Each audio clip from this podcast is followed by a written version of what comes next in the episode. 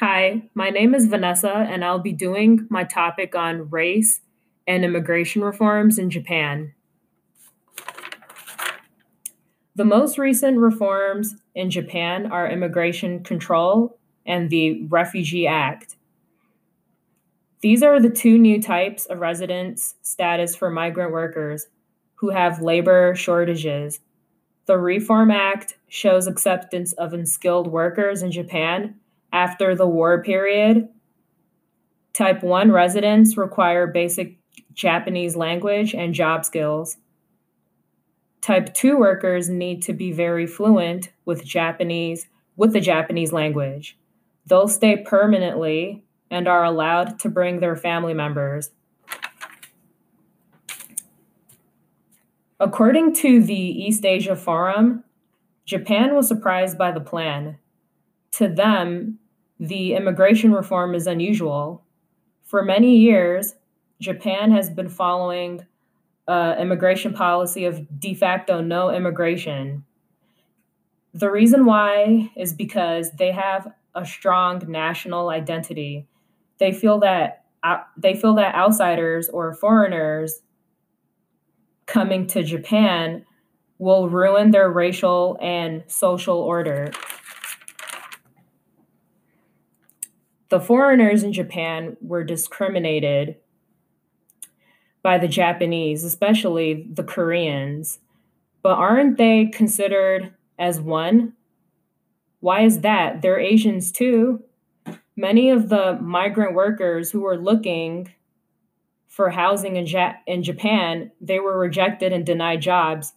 They were treated like outsiders, which is unfair. The reason why is because the Koreans were under the Japanese colonial rule before before and during the war.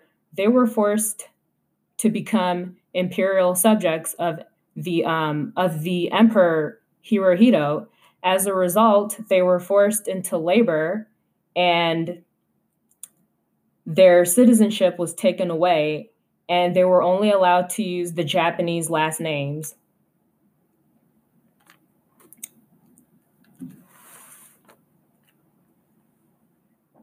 So also the Japanese has has they've had a hard time with the immigration reforms because it's not too specific.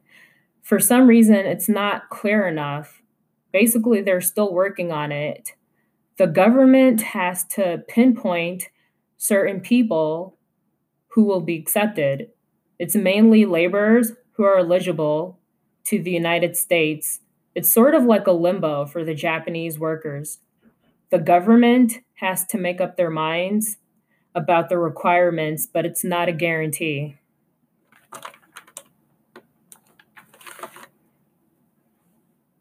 According to Newsweek's according to Newsweek's, it states that the Japanese take pride in their race and culture.